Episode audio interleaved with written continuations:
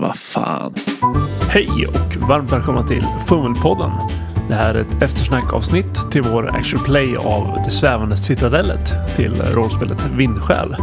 Snackar lite om rollpersonerna, äventyret och spelet. Kommer även in på lite sidospår. Då rullar vi igång. Jag heter Lukas. Jag heter Edvard. Jag heter David. Jag heter Jakob. Vi har ju spelat Det svävande citadellet till eh, Vindsjäl. Som sagt, det blev lite apropå, dök upp ett läge plötsligt. Men vi klarar det i alla fall. Jag ber om ursäkt om jag överanvände esoterin där lite grann. Grejen som jag har tänkt med systemet är ju att eftersom det alltid finns risken för konsekvenser så spelar det ingen roll om du överanvänder någonting. Om du försökte avaktivera mer grejer, den planerade konsekvensen är att slumpmässigt händer någonting annat. Ja. Någon som Åker misslyckas igen? åker den upp igen.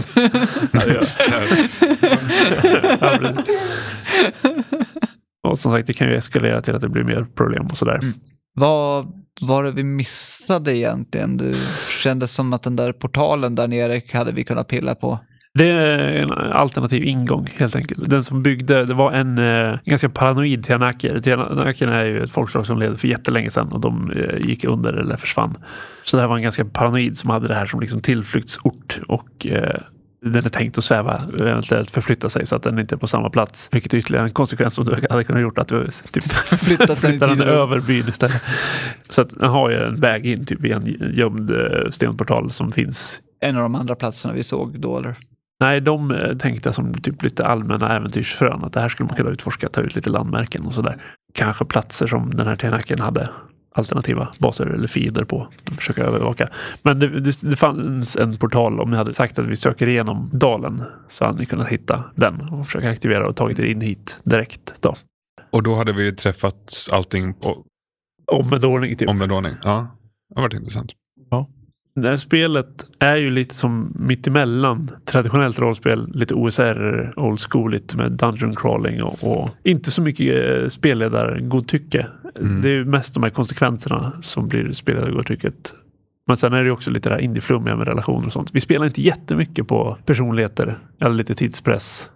Ja, Jag tyckte Jakobs personlighet sken ju igenom ganska så tydligt med att sälja in. Ja, men jag tycker, tittar man på det på det stora hela så är det ju ändå tydliga personligheter och som kanske inte riktigt kommer överens. Ja. Och vi hade inte så här mycket interna konflikter på det sättet. Vi brukar spela det här systemet så har vi ibland en rätt stor del av vårt spelande att vi har typ konflikter. Våra tillvägagångssätt, vår metodik och våra prioriteringar skiljer sig åt Så det blir friktion. så det blir friktion. Precis. Och som i alla tradspel så är det så här att ibland får man åsidosätta det för att man har problem som man behöver lösa i världen. Men det, är- det är bara en naturlig del av rollspel. Att det, det, det är liksom segmenterat i två bitar och man lyckas kombinera dem ibland. Att det här är både relationsdrama och eh, äventyr. Men eh, med en one shot så man kan inte liksom förvänta sig det. Dels har era rollpersoner inte valt att vara här. Dels börjar vi mitt i. Ni har liksom inte riktigt kontexten kanske. Mm. Och dels så mm, ni har inte hunnit känna in era rollpersoner. Det blir ju så här. Nu satt vi inte och tittade på en karta hela tiden och gick från rum till rum. Nej. Men det blir fortfarande fokus på problemlösningen på ett annat sätt när man har så här utforska grottor eller gamla ruiner som i det här fallet. Ja, när man kör på problemlösning. Jag spelleder ju först och främst OSR-spel, eller designar och spelade OSR-spel. Sättet man spelar karaktärer då är att man spelar dem som typ Baldur's Gate. Att det finns en förinspelad så här reaktionsgrej. Ja. Eh, någon så här skämt eller någon så här one-liner som man drar. Som sagt, det är naturen av en one-shot och det är naturen av en dungeon skulle jag säga också. Man har det här reaktiva. Det här är ett problem som jag ska lösa istället för en social konflikt som jag behöver överkomma. Precis, ni hade ju lite sociala konflikter med eh, den här eremiten. Mm. Ja. Eh, Han hade ju kunnat bli hjälpsam. Han hade ett eh, föremål som han hade hittat här i. Som han hade kunnat tänka sig att erbjuda som betalning. Men nu var ni Bränt våra inte direkt hans vänner. Så att han, Ja. ni fick nöja er med att han åtminstone gav information om vad som hade hänt. Mm. Nu är jag inne på han igen. Fan vad svårt det här är. Ja. Det är Det var det. det som var Jättesvårt. Ja. Och då får man vara självkritisk. Vi defaultade till manliga varje gång Ja, vi sa precis. någonting. Ja. Eh, vilket är en observation. Det, det, Verkligen. Ja. Ja, Det är ju svaghet med att inte tydligt köna. För hade jag tydligt sagt att det var en kvinna, då hade ni sagt hon. Hon hela Och tiden. henne. Ja. Men samtidigt jag upplever att det ger mycket intressantare spelade personer. Det är ingenting som säger ifall kärleksrelationer är heterosexuella eller homosexuella. Det är inget som säger att ah, det är klart att det är en man för att det är en krigare. Det är klart att det är en kvinna för att det är någon form av klok gumma. Så att jag tycker att det blir intressantare och spela det här med Svartviken i deras podd också. Det kan vi länka till. De är duktigare på det. Och de spelar ju blandat killar och tjejer och vi i vår grupp är bara en massa gubbar. Liksom. Ja. Och ganska naturligt. Om inte jag säger ett kön, då sitter ni och tittar på mig. Mm. Och jag ser jävligt grabbig ut och vi har liksom ingen i vår grupp som inte är toksis egentligen. Förra one-shoten vi körde där vi inte spelade in det så hade du ju par där du inte nämnde kön. Ja, det var David som eh, spelade ja, det. Ja, just det, så var det. Vilket var intressant, liksom där han hade både lite neutrala roller och neutrala beskrivningar av dem. Så där fick man liksom välja lite själv hur man valde att tolka dem. Och tanken är att man inte ska tolka dem alls egentligen. Alltså målet är på något sätt att ja, de är bara sina personligheter och Ja, när jag skrev dem så var jag också så här medveten och försökte så här, ja men här är en kvinna som är ledare. Alltså så här, jag försökte bryta mot könsstereotyper innan. Så att när jag spelade det så fanns ju fortfarande de tankarna och det är jättesvårt. Jag tror att det är naturligt så. Ja. Särskilt för oss som är så väldigt cis. Även om man liksom har vänner och bekanta som inte är det. Så den vardagliga kontexten är så väldigt fokuserad på det normativa på det sättet. Precis. Det jag skulle tycka var intressant, och det här är inte så mycket spelmötet, är om man spelar kärleksrelationer, vad som tolkas som typ vänskapligt och romantiskt. Ja. Det skulle vara intressant att se, för att ibland tolkas så här grabbiga... Precis, Grejer. alltså det blir tydligt att om det är en man och en kvinna så är det mer romantiskt än kamratligt. Medan om det är två män så är det Precis. mer kamratligt än romantiskt. Eh, och det kan vara spännande att, att sudda ut det också. Ja, Fördelen, men även den stora faran, det är ju, vi har ju spelat en helt annan setting där vi var antropomorfa djur. Och där fanns det ju lite gratis av att man sa att ja, men ni träffar på en grävling och då vet man, ah, just det, så här är en grävling som person. Fungerar ju lite med kön också. Ah, det är en man, då vet vi hur en man är. Ah, det är en kvinna, då vet vi hur en kvinna. är. Eller om man säger att det här är definitivt en icke-binär person, då vet vi på något sätt också lite grann, ah, okej, en icke-binär person. Så att om man definierar genusuttryck får man mycket gratis, men det är också det som är faran precis. Och det är som en motsättning med alla rollspel. Det finns en impuls att man vill bryta med normer, man vill ändra på saker. Men samtidigt, om man kollar på till exempel Dungeons and Dragons så har det varit den här debatten om ras och så vidare. Dess vara och icke vara.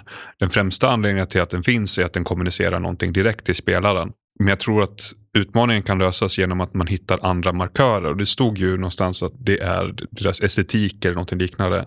Kulturen utmärker sig istället utseendemässigt mer på tatueringar. Det det Ja, precis. Och det är ju så grundtanken rent skapandemässigt är att så mycket som möjligt i settingen ska vara så ostereotypt som möjligt Mm. men fortfarande liksom vara semi-bekant fantasy. Det som är så lätt är att man fastnar i den här, ja men kvinnor de är våp och män kan ju vara betydligt fler saker än kvinnor traditionellt sett. Och sen blir det, ja men de svarta de är liksom mindre civiliserade. De vita européerna är normen och det är de som är framåtskridande. Och så finns det de här tokiga infödingarna som är läskiga. Få bort allt sånt. Få bort konnotationerna från hudfärger eller könsroller. Allt sånt där. Det tydligaste exemplet på det är ju Sagan om ringen när eh, Sauron tar in de här... Ja, i- isling så. Ja, precis. Mellanöstern-folket. Som Precis, och det är liksom, okej, vi förstår vad du håller på med här. Eh, Men eh, själva äventyret, jag som kämpe fick ju inte slåss en enda gång. Men det fanns ju tillfällen. jag skulle kunna slåss mot den här stora grejen. Ja, Men jag var också så här, okej, den tidigare kunde typ upplösa en kastbil. ja den, den upplöste ju kastpilen. Men eh, å andra sidan var det flera av er som tog skada av den. Så det var inte att ni blev fullkomligt omintetgjorda. Precis. Men eh, den hade ju varit tuff att slåss mot. Och ni, som ni gjorde era färdigheter så var ni liksom, alla var lite så allt i allo. Ingen var så superspecialiserad. Så att det kanske hade varit lättare att strida mot den om ni hade späckat massa med, som hade fem i, kamp eller något sånt där. Mm. Tanken, det är någon slags här five room dungeon Mm. grund. Att det ska vara lite som ett intro-scenario där man kan behöva göra lite akrobatiska grejer. Ni kan behöva göra lite hokus pokus. Ni kan behöva vara i sociala situationer. Ni kan behöva slåss. Och så kan ni hitta alternativa lösningar på allting. Men att man vet att ja, det tar tre, fyra timmar att spela igenom det här. Mm. Vi har spelat det här systemet förut och vi vet att det kan vara mer stil. Du hade ju där Edvard mycket esoterik och löste ju problem på det sättet. På ett sätt som ni kanske inte hade gjort annars. Så att, eh, det beror ju väldigt mycket på rollpersoner och vad man väljer. Ja, Det var väl lite där min ursäkt där i början var inriktad till huvudsakligen er två, att jag kanske tog Ja, nej, men sen, alltså, så här, I början så fick ju jag vara supercool ninja. Superakrobaten. Ja, Ja. Och jag fick prata med alla. yes. Alla la sig i när du försökte prata. Ja, precis. Sabbar dina sales pitch. Nej, men jag tycker det funkar. Det som jag tycker om med att spelleda är jag, jag har ju ingen plan på hur ni ska göra saker. Men det, det finns liksom det här utrymmet att hitta på kreativa grejer. Som sagt, problemet är inte att göra samma sak för många gånger. För att till slut kommer det konsekvenser och, och ställer till saker så att läget förändras. Vi hade kunnat spela lite mer karaktärer om vi hade liksom spelat utan mål att vi måste bli klara idag. Ja, Mm jag tycker också att det är svårt att få in karaktärerna när det inte finns något utomstående att agera med. Det kändes som att de mest kom fram när vi mötte på den här eremiten. Ja, Ja. precis. Det är sant. Jag hade lite svårt eftersom jag varit skärrad det första som hände karaktären. Ett av hans huvudsakliga karaktärsdrag var att vara avslappnad. Så då hade man liksom stämplat honom att han är nervös de första tio minuterna man spelade honom. Då återspeglades det lite grann även senare. Men det tror jag hade mest att göra just att det var de första sekunderna man spelade det. Låser in ganska mycket redan där. Så hade man spelat introduktionen i byn eller något sånt där. Nu är det ju inte det varit lika intressant att lyssna på och sånt där. Jag tror att han hade blivit annorlunda utifrån det. Ja. Jag gillade ändå er gruppkänsla. För ni ställde ju upp ganska mycket för varandra. Inte så här att ni höll på att gnabbas när saker blev fel. Utan det var snarare så här, nej det var mitt fel, nej det var mitt fel, sorry. eh, och även eh, du David som liksom var beredd att, att riskera livet för alla. Jag tycker att det blir trevligt. Och det skulle gå med det här erfarenhetssystemet att spela elakt mot varandra också. Typ, ja det där var roligt och så Mm. XP och sådär. Men det finns någonting som gör det lite kamratligt också. Att man är i samma grupp, Mm. man strävar mot samma mål och sådär. Det kan tillägga, nu får man ta mitt ord på det, men vi har ju spelat det här spelet rätt länge. Det är väldigt dynamiskt med sociala interaktioner. Det är roliga mekaniker. Just det här karaktärsskapandet. Jag fick i alla fall en relativt bra bild på hur alla är. Även kampsystemet är jag jätteinne på. För att om man jämför med andra traddiga spel så är det väldigt dynamiskt. Och det är inte bara att man ska slå på den som är grejen. Utan det kan delas upp i fler handlingar. Det kan planeras. Man kan interagera med omgivningen mycket mer än en tradd skulle jag säga. Vad fint. Jag betalar det efteråt. Du får lägga upp det på framsidan. ja, nej men det är sant. Det är lite synd kanske att vi inte gav oss in i någon ordentlig strid. Men det tror jag med Svartviken där så pucklar de på lite grejer. Det är ju sådär att man inte har initiativ på ett traditionellt sätt. Och eftersom både motståndarnas handlingar och rollpersonernas handlingar avgörs genom spelarens slag snarare att man håller på och slår hela tiden. Så händer saker i kollisionen snarare än en i taget. Det blir inte så mycket pingpong, det blir inte så mycket Baldur's Gate. Det är så här, först hugger man och sen nej, man missade någon som stod still. Så hugger den andra och sådär. Ja, precis. Och varje runda så omtolkar man situationen på ett sätt. Så att det inte bara är så här, du fick skada, du slår på den. Fortsätt tills någon av oss dör. En av de roligaste striderna vi haft var ju när vi spelade de här piraterna och, och i något fort så hamnade vi i någon strid i någon matsal. Det var folk som liksom höll på och vräkte upp bord och knuffade runt varandra och fly och kasta grejer och skjuta igenom bord och allt möjligt. Det får bli någon annan gång. Det är ju lite speciellt att spela in uh, actual play också känner jag. Man slappnar inte av riktigt lika mycket. sagt, vi hade väldigt tydligt att klara idag för att träffas en gång för att spela en halvtimme och sen fortsätta spela något annat äventyr blir fel. I början kände jag så här, okej hur ska vi hinna med det här? Men eh, mot slutet, ja men okej, vi har det här. Nu Det, kör vi. Ja. det kommer inte vara typ en stor slutstrid eller något liknande. Nej, precis. Som sagt, ni hade kunnat hamna i strid med den här stenkonstrukten. Mm. Ni hade kunnat utforska fler av de här projektionerna. Och hade barnen inte ropat så finns det en chans att vi hade varit kvar i portalrummet en liten stund extra. Det är sant. Ja. Jag tycker det är en rimlig storlek. Vi utforskar väl större delen av den. Och ni har utforskat allt förutom ni har inte interagerat så mycket med den här stenportalen. Hängde inte så jättemycket med eremiten. Kanske för att vi satte en. Precis. Men eh, ni utforskar ju alla rum. Ni gjorde ja, typ det mesta man kunde göra. Ja. Precis, vi fick ju en indikation av att han kanske har varit vindskäl en vända. Ja, jo det är sant. Men ni hade ju som sagt kunnat gjort det helt tvärtom. Att ni börjar med portalen. Mm. Rent teoretiskt sett med tanke på att ni hade en jordesoteriker så hade ni kunnat Borra klättra upp överst och borra er den vägen. Ni hade ju kunnat gå in genom den här eh, öppningen i sidan om ni inte hade gått åt höger ifall ni hade gått åt vänster istället. Mm. Det är så här OSR-läxa. Att försöka ha flera olika ingångar så att det inte bara är en lotsad väg. Vilken ordning man gör saker. Och på tal om OSR, en, en rimlig mängd rum. För att det är väldigt många som när de gör sin första grotta har typ, ja men jag måste ha så här många grejer som händer. Man överskattar alltid hur mycket man hinner. Så man fyller på den skitmycket istället för att ha liksom en rimlig mängd med tydligt definierade problem som finns i den. Mindre anledning att ignorera dem som kan vara viktiga för att det finns så mycket att välja mellan. Så jag tyckte det var en bra storlek på den. Det tycker jag underskattas rätt mycket i äventyrsdesign. Man förlitar sig inte på liksom spelets gång på att det kommer att vara så dramatiskt som det faktiskt blir. För att rollspel går alltid långsammare än man tror och saker tar tid som man inte tror ska ta tid. Så ett bra tips för alla som designar. Ja, och, och jag tror det som fick mig att verkligen få upp ögonen för det här med lite mer minimalistisk dungeon design är ju de här five room dungeon riktlinjerna. Man har fem rum eller man har fem instanser. Det finns någon form av väktare för att ta sig in. Det finns någon slags pussel eller så här rollspels social utmaning. Det finns typ ett sidospår någon form av klimax, slutstrid och det finns någon form av belöning eller någon oväntad vändning eller något sånt där. Varje gång vi har spelat något sånt så har det tagit ett spelmöte på typ fyra timmar. Ja. Och det känner man ju av lite själv som spelgrupp tänker jag också att om vi säger att nu har vi tre timmar på oss att spela. Då håller man ett tempo. Och så här, ja nu är klockan fem, vi ska spela till klockan fyra i natt. Det här är äventyret vi ska göra. Då kanske man tar sig tid på ett annat sätt. Mm. Men just så här fem rum är lagom. Sen behöver man inte alltid köra de rummen, alltid i den ordningen. Man kan lägga till några extra rum. Man kan lägga till en sjätte grej på det där och det är som du gjorde med de här eh, projektionerna. Man har någon slags bakhistoria. Jag tycker det är viktigt att ha grejer som... Problemet med dem är att det är svårt att veta hur man ska interagera med dem. För att som spelare vill man alltid tolka allting som en ledtråd eller liknande. Ja, precis. Liksom, har jag fått ut den informationen Ja, jag behöver? ni skrattar ju lite eh, när ni hittade det här pusslet med stjärnmönstret och, och så vidare. Och, och, det är ju liksom gjort för att vara någorlunda tydligt för att ni utforskade och ni fick Mm. ett svar. Men det var ju också på tärningen sagt det var sex olika projektioner. Mm. Och ni träffade den på andra och lyckades med något uppmärksamhetsslag och sådär.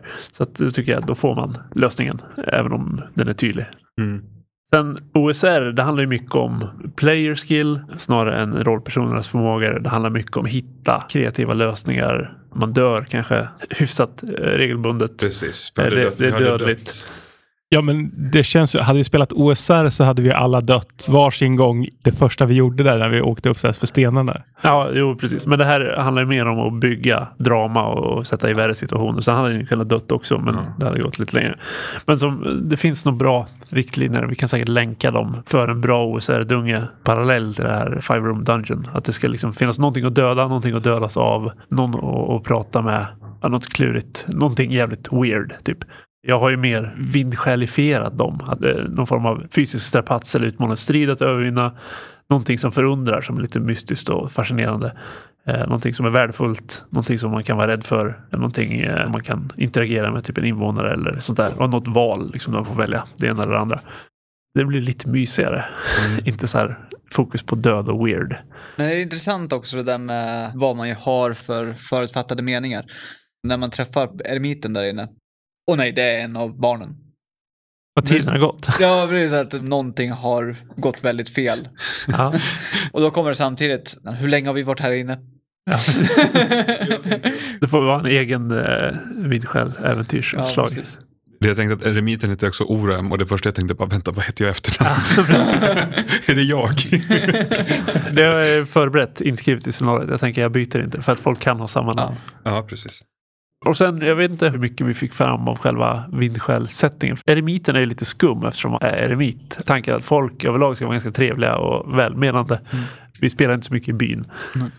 Jag förutsatte direkt att det här inte var någon som var farlig på det sättet eller ondskefull. Nej, det var bara Davids karaktär. Fast det var en reflexrörelse. Det var en reflexrörelse och du, din karaktär var ju så här väldigt rak och så här rättvis och håller sig till reglerna. Och är det någon som anfaller så får man anfalla tillbaka. Det är väl ganska rimligt.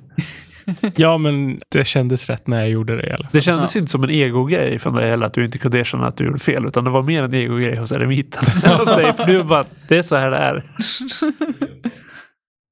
Men äh, jag är väldigt tacksam för att ni tog er tid att spela. Och att vi gjorde AP av det. Folk som har efterfrågat det. Så att det kan bli kul att tillfredsställa dem.